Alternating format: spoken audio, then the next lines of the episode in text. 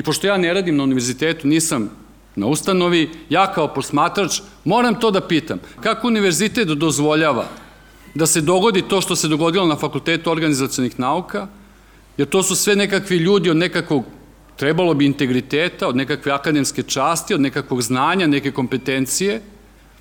I oni su dozvolili da se to dogodi.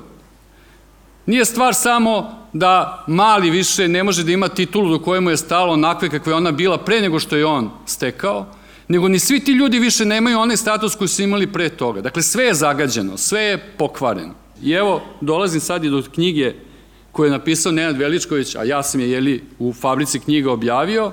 Dakle, meni je ta knjiga pomogla da razumem. Pomogla mi je da razumem šta se to događa na tim visokoškolskim ustanovama. Da može da dođe Siniša Mali ili kogod.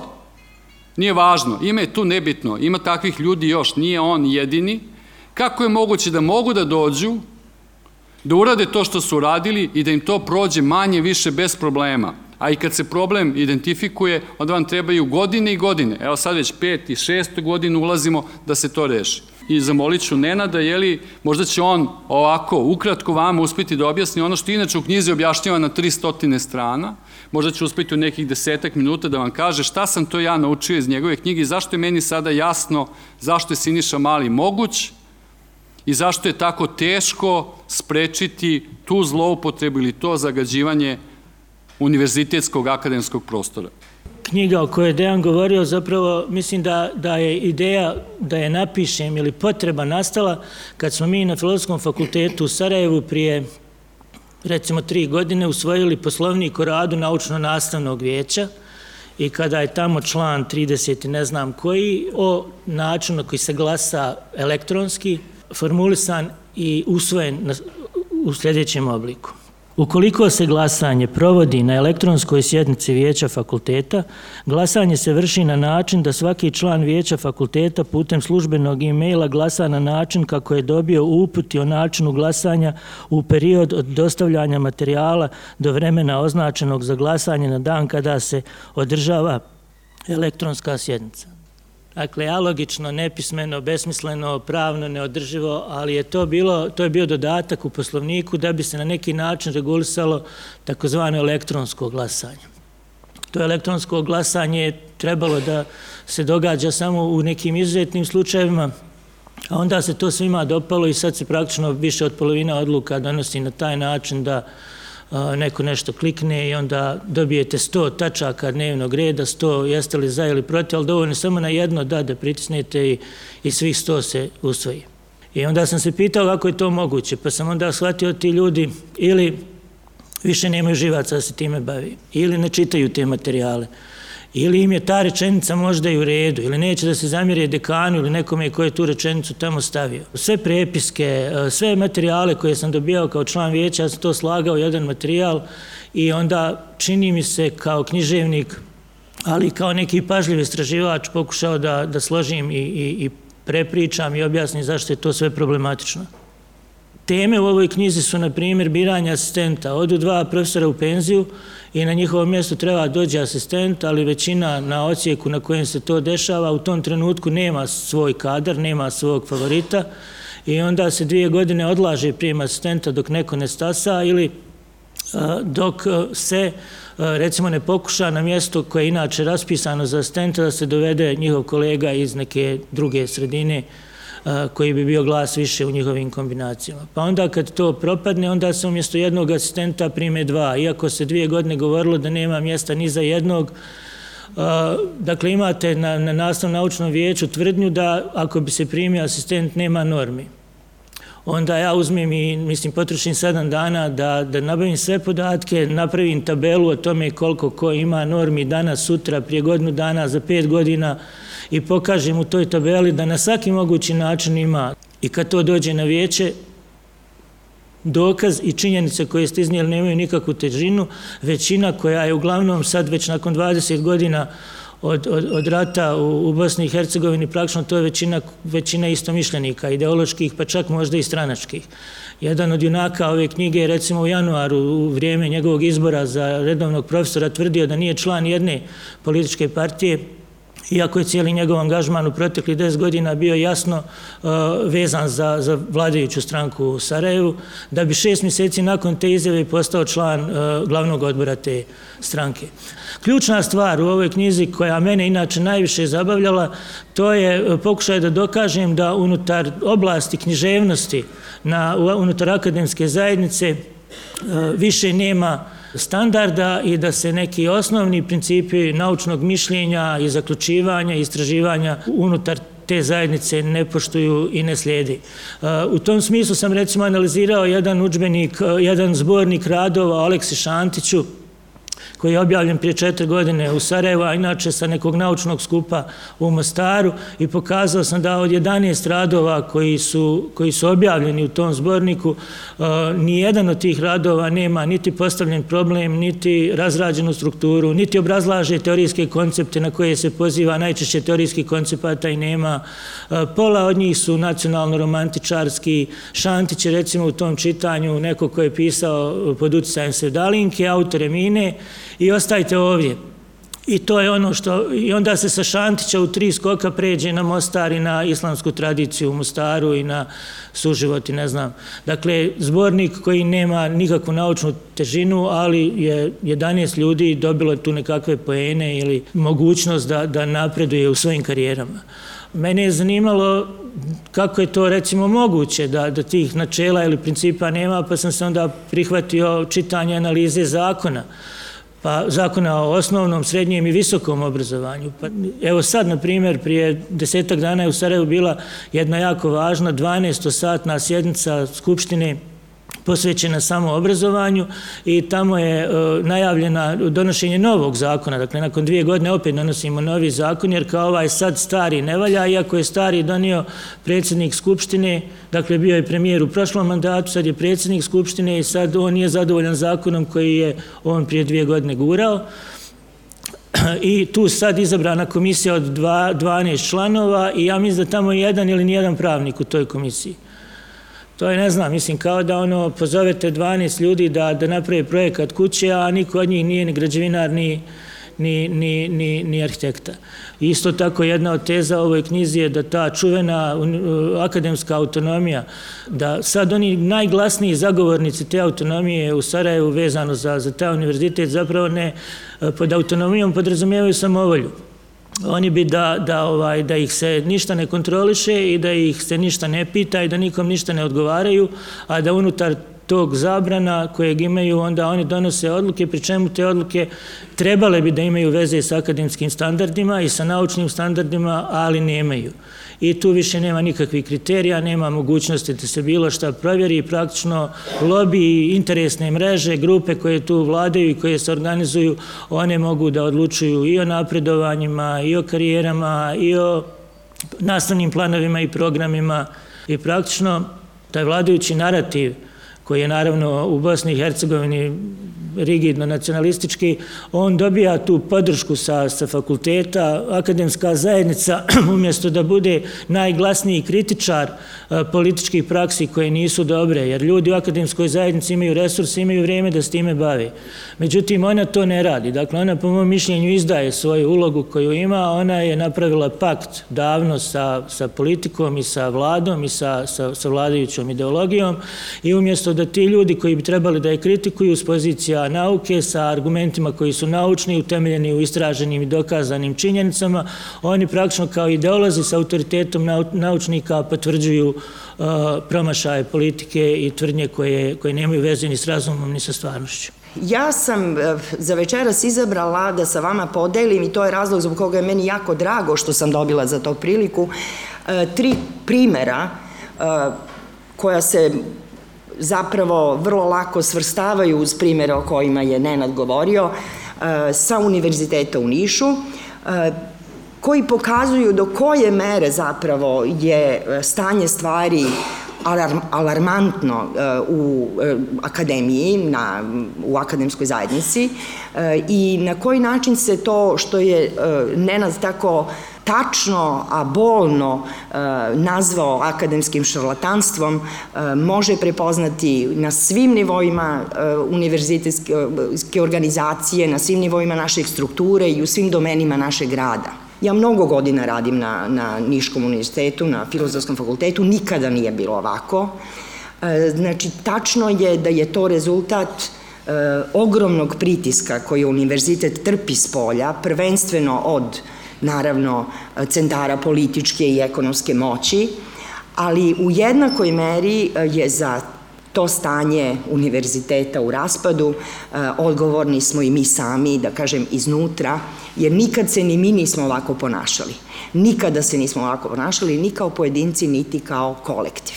Prvi primer koji hoću sa vama da podelim je činjenica koja verovatno, zahvaljujući medijima kakvi jesu, nije ni poznata dalje od Niške sredine i Niške čaršije, Niškog univerziteta, činjenica da mi trenutno na univerzitetu u Nišu imamo tri dekana uh, koji su u svom trećem mandatu, a koji imaju uh, osude Komiteta za profesionalnu etiku Univerziteta u Nišu od pre par godina, Pored toga imaju i zahtev Agencije za borbu protiv korupcije za njihovu smenu zbog nepotizma, korupcije i mobinga.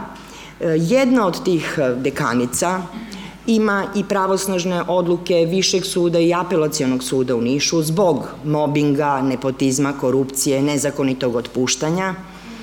E, te njene odluke koštale su fakultet kojim ona rukovodi, kažem, u trećem mandatu, milione dinara, što u sudskim troškovima, što u odštetama i nadoknadi plata za nepravedno otpuštene kolege, a jedan od kolega koji je bio otpušten je redovni profesor.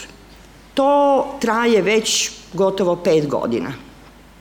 Znači, ta dela nepotizma i korupcije sežu unazad do 2000, ne znam, 14. godine, sve ove odluke etičkih komiteta donošene su pre dve godine, tri godine, četiri godine, ti dekani dalje sede u svojim foteljama. I dobro, to bi bio jedan primer te e, načina na koji zaista očigledno ti dekani očito imaju veliku podršku rektora Niškog univerziteta, koji pak, ako se setimo, je bio jedan od prominentnih potpisnika apela hiljadu u vreme predsjedničkih izbora za aktuelnog e, predsednika države, te nas ne čudi za, zašto njegov kišobran političke moći e, ova tri dekana zaista štiti od zakonskih e, propisa koji izrečito zabranjuju da dekansku funkciju može da obavlja neko sa svim ovim osudama. Ali mnogo je veći problem što, budući da se na univerzitetima još uvek, makar u formalnom smislu, sve procedure zapravo poštuju, ti dekani ne bi mogli da sede u tim foteljama da za njih nije glasala većina nastavnika njihovih fakulteta. I to je problem, jer to glasanje po važećim procedurama čak nije ni javno. Ne radi se o tome da pred punim amfiteatrom kolega neko treba da digne ruku za ili da digne ruku protiv. To je glasanje koje se zbiva iza paravana. Potpuno je anonimno tada ste sami sa sobom. Možete, zaista nemate nikakav razlog da ne uradite pravu stvar. A ti su ljudi u foteljama, zahvaljujući tome što su njih kolege izabrale na tim fakultetima taj primer našeg sobstvenog odustajanja od odgovornosti za stanje univerzitetske zajednice je zapravo zaista poražavajući. Drugi primer koji hoću da iznesem večeras ne tiče se institucije kao takve, već se tiče izbora u akademska zvanja o kojima je Nenad govorio. Naš, fakul, naš univerzitet trenutno ima 14 fakulteta u svom sastavu, do prošle godine bilo nas je 13. E, novi fakultet e, otvoren je prošle godine, radi se o poljoprivrednom fakultetu. Mali kontekst za interpretaciju ovog primjera, zašto je on značajan? E, godinama je spreman taj projekat i godinama se u Nišu znalo da bi taj fakultet trebalo da se otvori u Prokuplju, gde postoji jedna stara i vrlo dobro um, organizovana srednja škola za poljoprivredu, koja je vrlo uspešna. Tek odjednom fakultet nije otvoren u Prokuplju, već u Kruševcu. To je kontekst u kome treba interpretirati sad ovaj podatak. E, juna meseca 2018. godine na e, sednici Naučno-stručnog veća za društvene i humanističke nauke e, odlučivalo se o izboru jednog nastavnika u zvanje docenta na tom novom fakultetu u Kruševcu. Više kandidata je bilo prijavljeno, od svih kandidata samo je jedna kandidatkinja zapravo ispunjavala minimum uslova za izbor u zvanje po važećem pravilniku našeg sobstvenog univerziteta. Naravno, uh, izveštajem je predložena ne jedina kandidatkinja koja ispunjava uslove, već jedna druga kandidatkinja koja minimalne uslove za izbor nije imala. Naravno da je veće univerziteta podržalo taj izveštaj i docentkinja je izabrana upreko činjenici da nije imala ispunjene uslove za izbor. Ako mislite da je to kraj priče, nije. Na istoj sednici trebalo je da bude izabran još jedan nastavnik veština engleskog jezika, Pa sad možda zato što je reč o mojoj struci, ja sam naime anglista, možda sam ja bila malo glasnija, ubedljivija, dala možda jače argumente, budući da kandidatkinja koja je predložena za izbor nije takođe ispunjavala minimalne uslove za izbor, a, nekako veće nije a, podržao taj izveštaj i ona nije izabrana. To nije kraj priče. Na sledećoj sednici tog istog veća pojavio se rektor lično. On je veću vrlo eksplicitno i blatantno rekao da odluka koja je doneta na prethodnoj sednici nije zadovoljavajuća i da zapravo treba usvojiti prigovor kandidatkinje koja nije izabrana, a koja u svom prigovoru nije imala kakve argumente da iznese, jer nikakva pravna procedura nije prekršena, ona jednostavno nije imala uslove za izbor u to zvanje, već je prosto najlepše zamolila da joj se to zvanje dodeli i zapravo, pa da, a, da nije bolno, moglo bi da nam bude i smešno, zapravo je ta a, kandidatkinja na toj drugoj sednici veća, na kojoj prisustuo i rektor, i bila izabrana u zvanje. Opet hoću da kažem, eksplicitan, direktan, blatantan pritisak od strane ljudi na pozicijama moći. To je nešto što razumemo i to je nešto sa čim možemo relativno lakše ili teže da se nosimo, ali to je nešto što naše smisao našeg postova, poslo, e, postojanja, smisao svega što mi radimo u univerzitetu ne dovodi u pitanje. Nekako to je prirodno stanje stvari, da tako kažem. Znači da oni koji su u poziciji moći pritiskaju, da se univerzitet odupire. Ali zašto se univerzitet više ne odupire? Zašto se pojedinci na univerzitetu više ne odupiru? Šta je to što ljude natera ne samo da čute, žmure i okreću glavu, već da aktivno učestvuju u sobstvenoj propasti, odnosno u rušenju sobstvene kuće. I poslednji primjer, hoću samo da kažem kako je e, glavni naš problem, što smo za vrlo kratko vreme, jer ja zaista mislim da se do sve pre, do pre svega nekoliko godina takve stvari nisu u ovoj meri dešavale. Znači one su možda bile na nivou usporadičnih incidenata, ali nije se dešavalo e, da zaista u toj meri e, pripadnici akademske zajednice e, odustanu od minimuma svog, svoje profesionalne odgovornosti. Čujem i motivaciju u svemu tome. Znači, pa dobro, to je jedna recenzija. To je samo jedna recenzija, toliko je toga bilo, pa šta sad?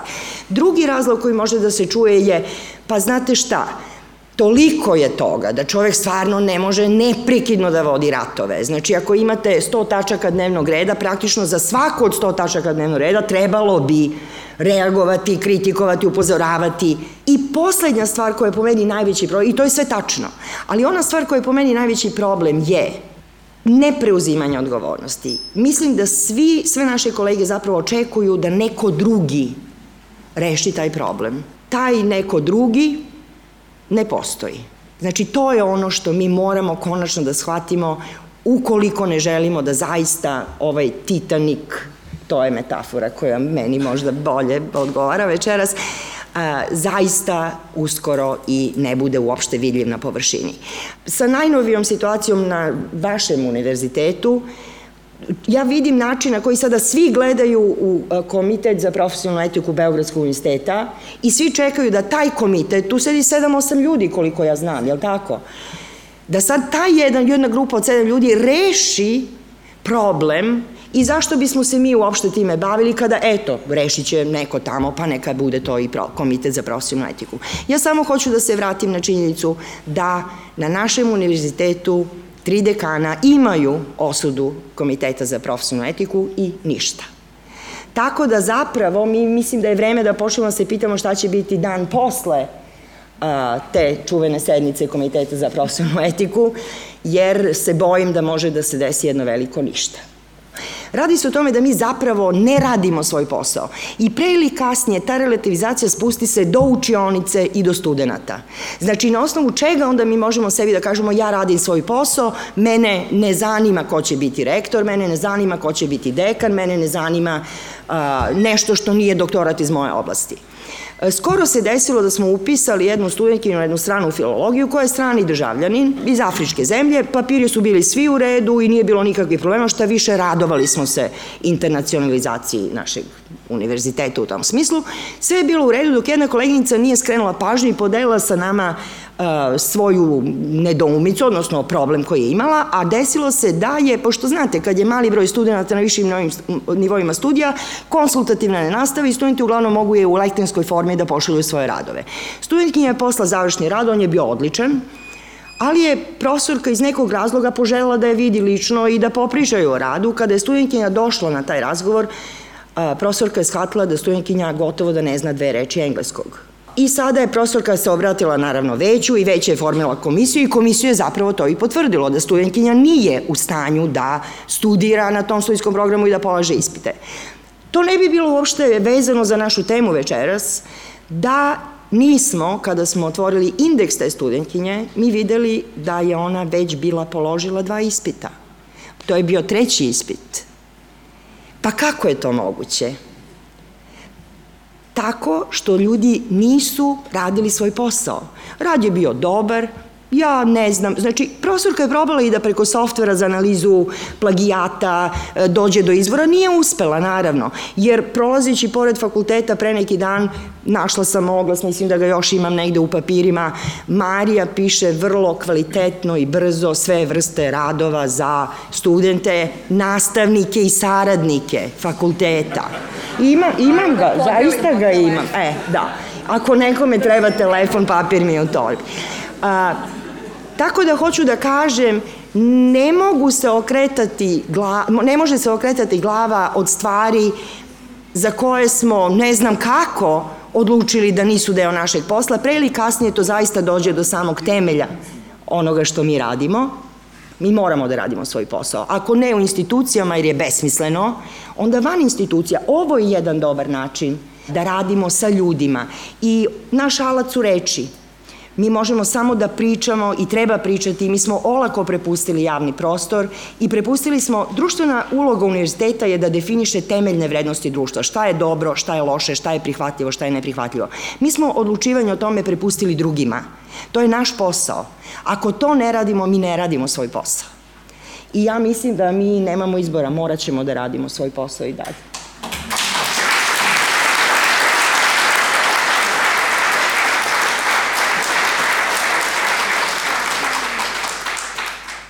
Živimo u društvu koje uh, vladajuća elita, i to ne samo ova, mada je ova najeksplicitnija u tome, apsolutno ne razume ništa o tome kako funkcioniše društvo, šta su društveni temelji, oni zaista ne znaju ništa. Ja imam prijatelje koji rade po, različitim ministarstvima, ne, ne kao politička postavljena lica, već kao neka administracija, stručna lica.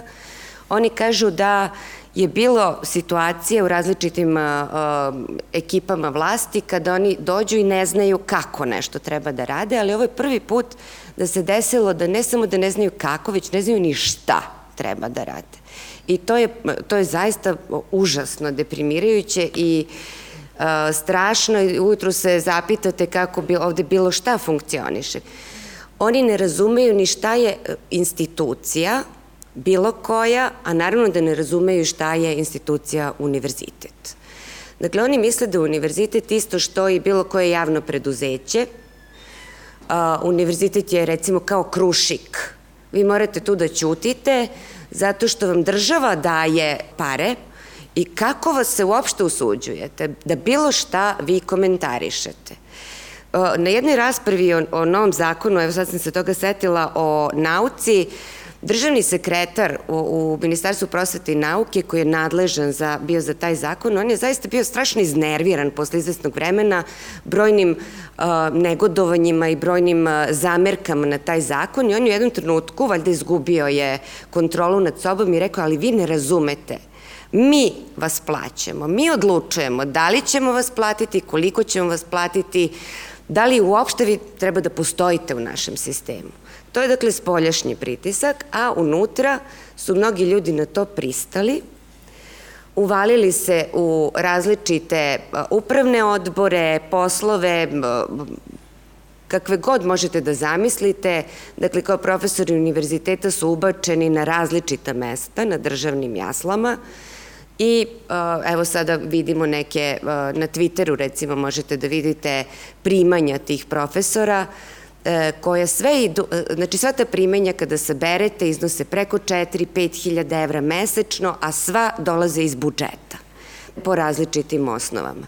Dakle, nekim ljudima je tako dobro, takvi ljudi ne žele i unutar svojih institucija, dakle univerziteta, da čuju glasove pobune, Oni su ti koji guše te glasove, oni su ti koje, koji uteruju strah u kosti mlađima. E, ja bih još samo na, na e, Denovo pitanje kako taj čovek, Siniša Mali, ne razume da e, taj doktorat za koji se tako grčevito bori, kako ne razume to više, više ništa ne vredi. Ja sam o tome razmišljala, stvarno se postavlja dugo pitanje čemu uopšte služe ovde doktorati kad su prilično obesmišljeni i zašto svi ti naprednjaci na vlasti kupuju te diplome bezočno, dakle ne samo doktorske, već i osnovnih studija, čemu to njima služi, šta će im? Kad im u stvari ne treba, jer je, evo i predsednik rekao da možete imati osnovnu školu pa da vladate na, god, na koji god način i zaista šta će. Ja sam videla tu tri nivoa objašnjenja, dosta piše na raznim mestima, u analizama cele ove stvari, je se to da oni sebe žele da predstave kao ljudi koji sve znaju i sve mogu, Znači njima je autoritet i idol uh, Aleksandar Vučić koji neupitno sve zna, uh, sve ume, uh, dakle za sve se pita. Oni su dakle omnikompetentni, to je samo sa tog najvišeg nivoa spuštena priča, svi oni žele da liče na njega, a to je jedan od načina, najbezbolniji, najbrži da dosegnu te zvezde jeste da kupe diplomu. I treći, možda najpodmukliji, a to je da postoji neki zaista ozbiljan projekat urušavanja obrazovanja uopšte. I to jeste svetski trend, a i e, očigledno i ovde jedan trend da mi u stvari treba potpuno da izbrišemo značaj znanja, obrazovanja, um, akademske zajednice kao negde intelektualnog temelja jedne, e, jednog modernog društva. Dakle, sve to treba satreti, odnosno izvr, e, izvrgnuti ruglu i prosto da to više ništa ni ne znači. I samo još da se dotaknem ovog aktualne, aktualne priče, a to je e, Siniša Mali, dakle ovde se nalazi studenti, bez kojih ova e, bez kojih se mi ne bismo mrdnuli uopšte iz ove priče o doktoratu. Dakle, bez one blokade rektorata, cela stvar oko procedura za proglašavanje plagijata bi se vraćala sa jedne na drugu instancu, sa etičkog odbora univerziteta na, etički, na etičku komisiju FONA i taj bi se ping-pong igrao u nedogled. Studenti su ti koji su uh, saterali rektorat u ćošak i naterali ih da uh, tu proceduru završe, Dakle, studenti su ti koji su okončali agoniju, bar što se tiče izjašnjavanja univerziteta. Kako će izgledati odluka, ne znam, ali bar ćemo znati na čemu smo i ja zbog toga neizmerno volim o, ove naše studente koji su nas istarali na čistinu i naterali nas da ili bar ja želim da verujem da su naterali nastavnike ovog univerziteta da, da stanu jasno, da se suprotstave uh, ovima koji žele da nam oduzmu svaki integritet. Za sada to je. Naterali su nas ili da se da, da stanemo iza toga ili da jasno kažemo koji, Koji među nama ne žele to da urade? I to htela sam da pitam Dejana, da li je dobio od sada iz ovih izlaganja odgovor na svoje pitanje kako je moguće da smo mi to dozvolili? Ja bih rekla da je odgovor da ne postojimo mi, postojimo različiti mi. Univerzitet nije korpus nije korporacija kao što je možda bio u srednjem veku ili možda u 18. veku ili možda i do pre nekoliko godina, kako Tanja kaže, u većoj meri nego što je sad. Dakle, mi smo veoma različiti i zato dozvoljavamo. Kad me tako pitaš, moja prva želja je da ti kažem, mnogo ste vi naivni. Znaš, ovaj, a onda ću probati to da objasnim. Evo reći ću, Biljana se obratila direktno studentima, i, ovaj, i kaže da su oni uradili nešto zbog čega ovaj, smo mi možda nešto dobili, ako ništa drugo, onda bar neku istinu o samima sebi. Jedan savet studentima. Uh, ako ste gledali štrajk u pošti koji je bio, ja mislim, početkom ove godine kada su stale sve pošte, znate, pošta u Zemunu, Post Ekspres, stale su sve pošiljke Post Ekspresom, štrajk je rešen praktično u roku od nedelju dana, otišao je doktor Stefanović sa svojim obezbeđenjem tamo da pregovara sa radnicima u štrajku. I rekli su radnicima, sve ćete dobiti što tražite, prekinite štrajk. Radnici ništa nisu dobili, ništa, ali su štrajk prekinuli. Tog trenutka kad su ga prekinuli, počelo je lagano pritisci na radnike, otpuštanja, Sada Post Express praktično funkcioniše vrlo, vrlo, vrlo otežano, nemaju dovoljno radnika, zato što je veći broj radnika otišao, jer nisu dobili ono što su tražili, jako im je obećano da će dobiti ono što su tražili, ali je bilo važno da se štrajk prekine u tom trenutku zato što praktično država bez pošte nije država. I to je bio jedan od najjačih udaraca ovom režimu. Prosto se pokazalo da ovaj režim ne može da vodi državu, jer ne može ni poštu da organizuje i slomili su ih. Slomili su ih tako što su im rekli dobit ćete to što tražite, nisu dobili i razjurili su ih. Tačka. To će da se desi verovatno i vama. Dobili ste to što ste tražili tom blokadom, izašli ste iz te zgrade i sad ste ostavili prostor da se manipuliše. Pa je jedno odlaganje, pa drugo i se. Nije stvar u tome, i sad nemojte da se ljutite, ja sam na vašoj strani, manje više. Ali morate da gledate okolo i da učite šta se događa kod vas i da vidite kako ovaj režim funkcioniše. Ovaj režim možete da zaskočite jednom, ali ne da ga zaskočite dva puta. Kad ga zaskočite jednom, ne puštajte ga. I to je cela priča. Vi ste pustili i sad ćemo da vidimo šta će da bude.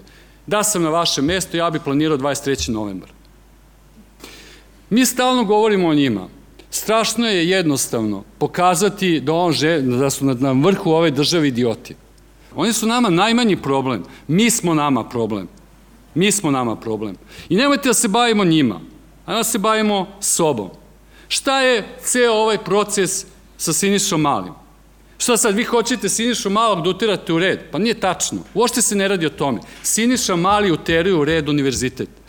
Nije univerzitet taj koji vaspitava Sinišu Malog, nego Siniša Mali vaspitava univerzitet. I mi sad imamo tu bitku. Da li će se univerzitet slomiti ili ne? Da li će Siniša Mali i ceo ovaj režim uspeti da obrazuje univerzitet onako kako njima odgovara ili će univerzitet uspeti da se odbrani? Ja mislim, Tatjana Punović je pisala o tom i rekla je praktično isto ovo što i Biljana, ne treba malom doktorat zato što je važno imati doktorat i zato što je to neka stvar prestiža, čast ili se. Doktorat treba da bi se ponizio univerzitet, da bi se pokazalo da doktorati ništa ne vrede. To je bitka koja se bije. I reći da oni, kao što si ti Biljana rekla, ja mislim da to nije tačno. Njima treba poslušan univerzitet koji će da radi tačno ono što mu se kaže, bez obzira da li to ima smisla ili nema smisla s nekom našom predstavom o tome šta bi univerzitet trebalo da bude. To ne znači da oni ne znaju. Oni tačno znaju šta rade. Da li je to dobro ili loše, da li je to pogubno ili ne, to je naša stvar, a ne njihova. Ali u ovom trenutku mi imamo to. Nije, univerzitet više nije mesto koje obrazuje ljude. U ovom trenutku mi prolazimo kroz proces u kome se obrazuje univerzitet. Univerzitet se tretira kao maloletnik koji treba da se nauči i dovede u red. To je proces koji mi sada imamo. Da li će univerzitet tome da se odobri? Da li će univerzitet kaže, pa čekajte malo, mi nešto znamo. To je sad stvar ljudi u univerzitetu. Kad saslušate sve ove priče, ovo što je Nenad pričao, što je Tatjana pričala i što Biljana kaže, i kad vidite kako se ljudi ponašaju na univerzitetu, kada treba da glasaju, kada treba da razgovaraju, šta vi mislite, ko će u toj borbi da odnese pobedu? Ja ne znam. Ja ne znam.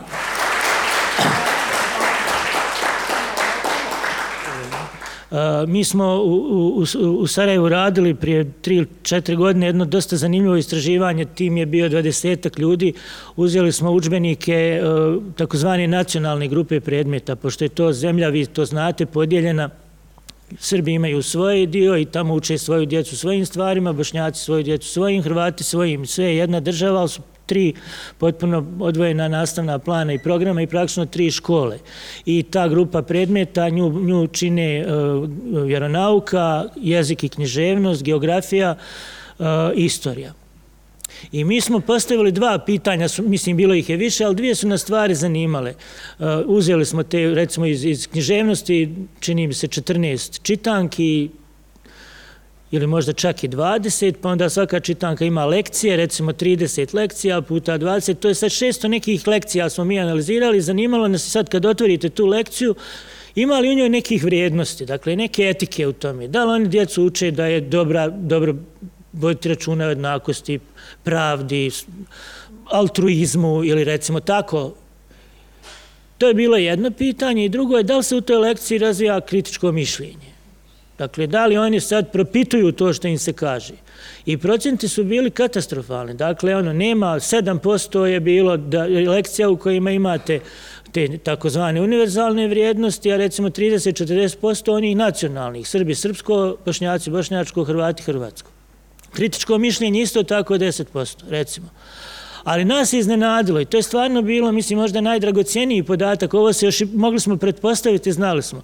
Ali preko 50% od tih lekcija nema ništa. Znači, potpuno prazno. Stoje tamo i ne znate ni zašto stoje, ni čemu služe, ni koji ih je tamo stavio. Pola sadržaja učbenika u osnovnoj školi niti su vezane za etiku, čak ne služe ni naci, ničemu, potpuno besmisleno.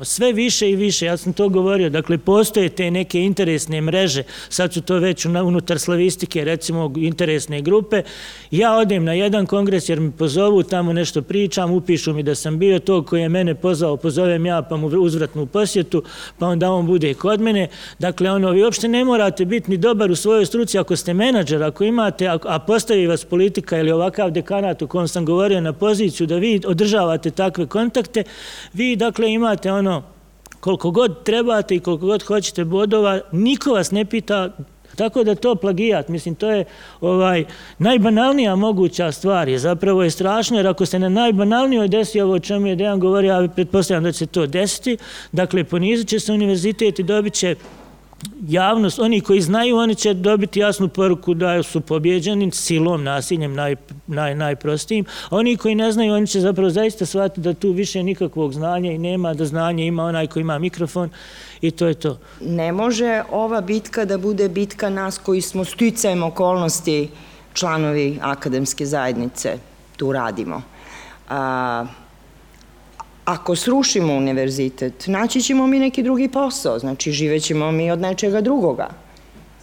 Ali ne znam da li će da, društvo moram, živeti. Samo, samo jedno pitanje. Univerzitet nije sam, on postoji zbog drugih. Šta univerzitet radi za drugi u ovom trenutku u ovoj zajednici? Pa ja sad moram opet da se ne složim, jer kad kažem univerzitet, ja mislim ja. Ja radim sve što mogu. Ja radim ono što mislim da je moralno, da je odgovorno. Ja znam još mnogo ljudi kao ja i na svom fakultetu i na Beogradskom universitetu. Među nama ima ljudi kojima se zaista nema šta prigovoriti. I ja kad kažem univerzitet, ja mislim ja. A, I ja mislim da je to jedini mogući pristup ovom problemu. Zapravo svako treba da se bavi sobom i da preslišava sebe. Ja neću preslišavati svoje kolege koji su digle ruku za ono što ja mislim da nisu smeli da dignu ruku. Ja ću svojim primerom, dokle bude postojao univerzitet, raditi ono što ja verujem da svaki profesor univerziteta treba da radi. I mogu da vam kažem da to ima efekta. Znači, ljudi čije sam izveštaje o izboru ja potpisivala, sjajni su ljudi, odlično rade svoj posao. Mislim da samo treba nekako naći načina da to ne... Jer znate šta, ja mislim da do moralnog pada ne dolazi u velikom prasku, Mi sada imamo ovu situaciju koja je zaista privukla veliku držav, e, pažnju i medijsku. E, ovo je jedan slučaj, ali zapravo do moralnog sloma univerziteta došlo je nizom malih, malih, malih, malih pogrešnih koraka pa tako verovatno možda imamo šanse i da izađemo iz svega ovoga. Svakoga dana nemojmo da donesemo pogrešnu odluku, donesimo ispravnu odluku. Važno je da svako od nas bude taj pojedinac koji će da radi, ali važno je da razvijamo ovo što, ja bih to rekla, zajedništvo, a možda i neki revolucionarni duh, da se zajedno izborimo sa ovim sa, čim smo suočeni. Reči su važne, kao alatka ovde, ali moguće da sa ovima reči nisu dovoljne.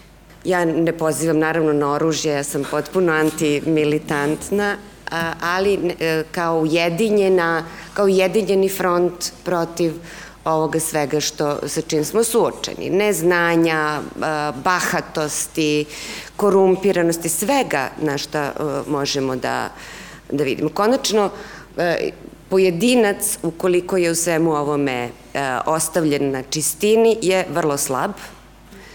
On je u mraku i njega će taj mrak pojesti, a samo zajedno, kao kolektiv, kao grupa koja razume šta su vrednosti oko kojih se okupljamo, e, može da e, doprinese nečemu dobro. I Dejan je imao komentar na uh, pismo koje je upućeno studentima sada najnovije. Da Taj odgovor koji su dali profesori studentima zapravo je bio iz mog ugla, dakle, nedovoljan, loš, da, na neki način nefer. Ja sam naravno potrebio težu reč, rekao sam da je sramota što su uopšte tako nešto napisali. Kako je došlo do tog 4. novembra? Pa onda kažete, ju, nismo računali. Pa sramota. Ajde sad imamo posledica, niste računali, šta je posledica vašeg neračunanja? Ajde da sačekamo, šta čekate? Drugo, ja ne razumem kako procedure važe za nas, a ne važe za njih. Nelegitimni predsednik ove države uze, izađe uvek i pre suda i pre bilo kakve komisije i kaže šta je odluka. I za njega ne važe, a za nas važe procedure. Šta je problem rektor ti ga kaže, ja znam da je to plagijat. Ali moram da sačekam zvanično. Ali evo ja znam da je plagijat. I to bi imalo isto težinu kao kad ovaj uvijek imam problem kad treba ga imenujem, jer bi mu, mislim, uh, uh, uh, dakle, dakle, šta je, šta je, šta je, šta je, on kaže, ne, ne, ne, to sve za Stefanovića i njegovog oca nije tačno. Mrtav vladan. A rektorka kaže, moram da čekam zvanično telo i odluku. Pa ne, reci da je plagijat. Ja lično, kao Ivanka Popović, Ivana, kako zove, Ivanka Popović, ja mislim da je to plagijat. I znam da je plagijat. Ali ne mogu kao rektor kad to da donesem, moram da sačekam da tela. Ali ja znam da je to plagijat. To je, to je rečenica od integriteta. Tako to zvuči. A ne, čekamo. Šta čekate? Šta čekate? Da vam rekao čovjek da nije plagijat? Šta čekate?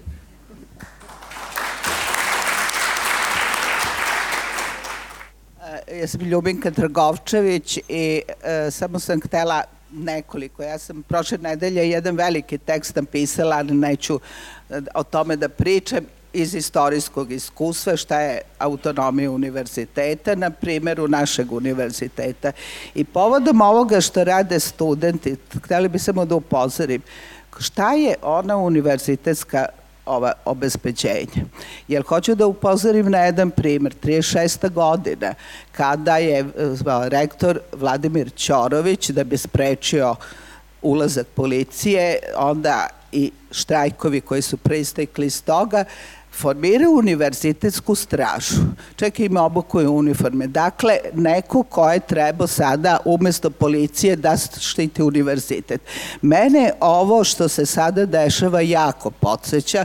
Oni ne znam kakve imaju uniforme, samo sam ih videla onako iz daljine. Dakle, to je nešto što nam preti da će nam autonomiju potpuno uništiti. Jer prvo mi smo i zaboravili šta znači autonomija, ali neću o tome. I drugo, kad govorimo o nama koji smo radili ili radimo još uvek na univerzitetu, gledaj, podsjetim ovaj, samo da je još 1844. godine u prvom zakonu o školstvu pisalo kako tre, kakav treba da bude profesor. Častan i pošten To je ono što je važno. I mislim da smo mi te elementarne stvari izgubili kao da nam treba neka univerzitetska Hipokratova zakletva da ćemo mi reći poštovaćemo uh, autonomije univerzitete, radit ćemo časno svoj posao, nećemo krasti, nećemo ponižavati studente i šta ja znam šta sve to može da bude. Ali mi smo to zaboravili da smo mi odgovorni prema ovim mladim ljudima da oni treba nekad da nešto rade, a mi se pravimo ludi samo da nas neko ne potkači, da nas neko ne prozove u novinama i tako dalje. Dakle, e, jako mi je žao što ovi mladi ljudi su doživeli da im svi mi budemo profesori, za razliku od moje generacije koja je počela ovde da štrajkuje, da ne kažem od koliko imam godina, ali od 66. na ovom univerzitetu i za razliku od toga zaista sada ne razumem gde su ti naše kolege i gde su ti naše profesori.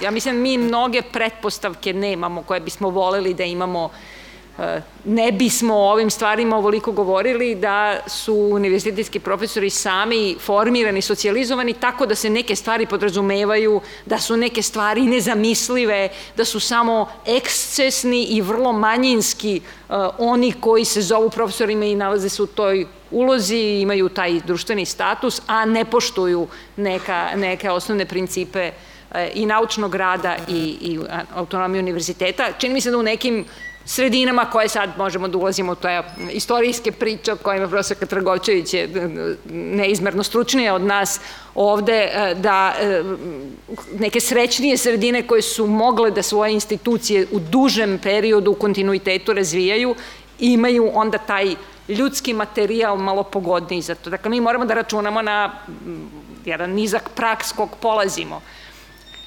šta je to na šta računamo u smislu ovih nas. Dakle, mi sa ove strane na univerzitetu kakvi smo, pa sa tima nama takvima kakvi smo, šta možemo da učinimo, ali to jeste ovaj, dobra, dobra sugestija. Ja recimo vidim jednu pozitivnu stvar u tome što rektorka nije rekla zašto je plagijat, a to je, ja mislim da u nekim bar u situacijama bi trebalo da reagujemo a, suprotno Vučiću ili da ga ne nazovem.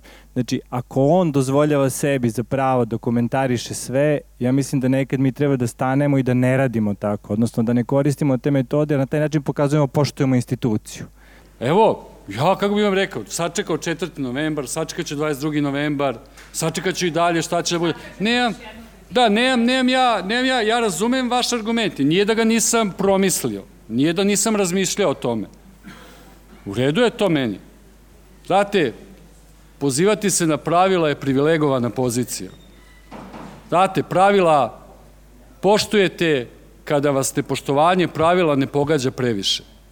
E, to je problem. I ja mislim da univerzitet i univerzitetu još uvek ne misle da su egzistencijalno ugroženi i na razne druge načine ugroženi. To je moje mišljenje. I zato mogu da se igraju procedure i pravila. To je moje mišljenje. E, ja bih vratio malo priču na naslov, protiv akademskog šarlatanstva. Nekako je to otišlo, mislim, s razlogom dobrim na plagijat, ali, mislim, proći će, jedan plagijat je samo jedan oblik šarlatanstva. Ono o čemu sam ja govorio, to je da je to šarlatanstvo masovnije, čak i kad se ne plagira, govore se laži, besmislice, loše stvari koje se predstavljaju kao da su nauka. I učimo nove generacije stvarima koje nisu tačne i koje su štetne. Zato što smo, barem u Sarajevu, zaposlili previše ljudi na fakultetu fakultete, svi oni moraju da imaju norme, kad imaju norme, svi nešto moraju da pričaju, svi moraju nešto da ispituju i onda ta gomila profesora čeka u redu, da ta sirovina za njihov posao, studenti nešto nauči da ih oni pitaju. Nažalost, ja samo sa zavišću mogu da gledam šta se dešava ovdje, jer u Sarajevu se studenti nisu, ni na, mislim, jednom, možda pola sata su se okupili oko nečega. U knjizi ima jedno poglavlje, ovo o kojoj smo govorili, ima poglavlje o studentima i zašto su takvi i zašto nema nade da se tu nešto promijeni, zašto su neorganizovani, zašto, između ostalog, možda i zato što u Sarajevu ima mnogo manje ljudi koji govore o stvarima kao što se govori u Beogradu, na način na koji se govori. Tako da ovaj, nije možda tu tako crno kao što vama iznutra izgleda kad se gleda malo izvana, ovo je ipak jedna živa scena i činjenica da studenti nešto rade i pokazuje da se i nešto i sa profesorima dobro tu događa. Tako da ovaj, primite izrazi moje iskrene zavisti.